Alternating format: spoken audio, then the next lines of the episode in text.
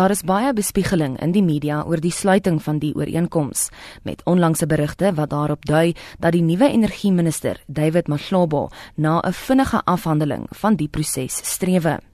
Amptenare by sy departement werk blykbaar selfs oor naweke om die land se hersiene geïntegreerde energiehulpbronplan 4 maande voor die sperdatum van Februarie 2018 te finaliseer.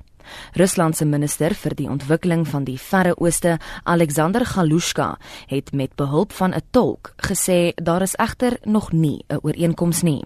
We reiterated and we noted that there are various structures like Intergovernment Commission and uh, Rosatom in the framework of which there are negotiations conducted regarding the nuclear energy and uh, what we want to note is those negotiations are constructive and they are underway.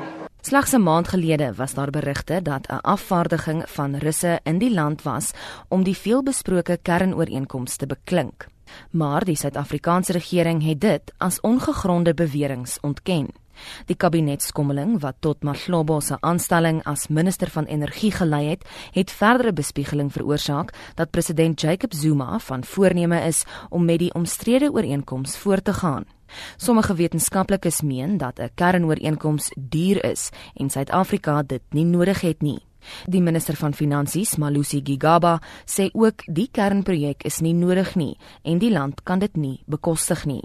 Mosebenzi Zwane, minister van minerale hulpbronne, sê weer die uitvoerende gesag sal Mahlobo se besluit oor die transaksie ondersteun. From where I'm standing as a minister, that is part of our program.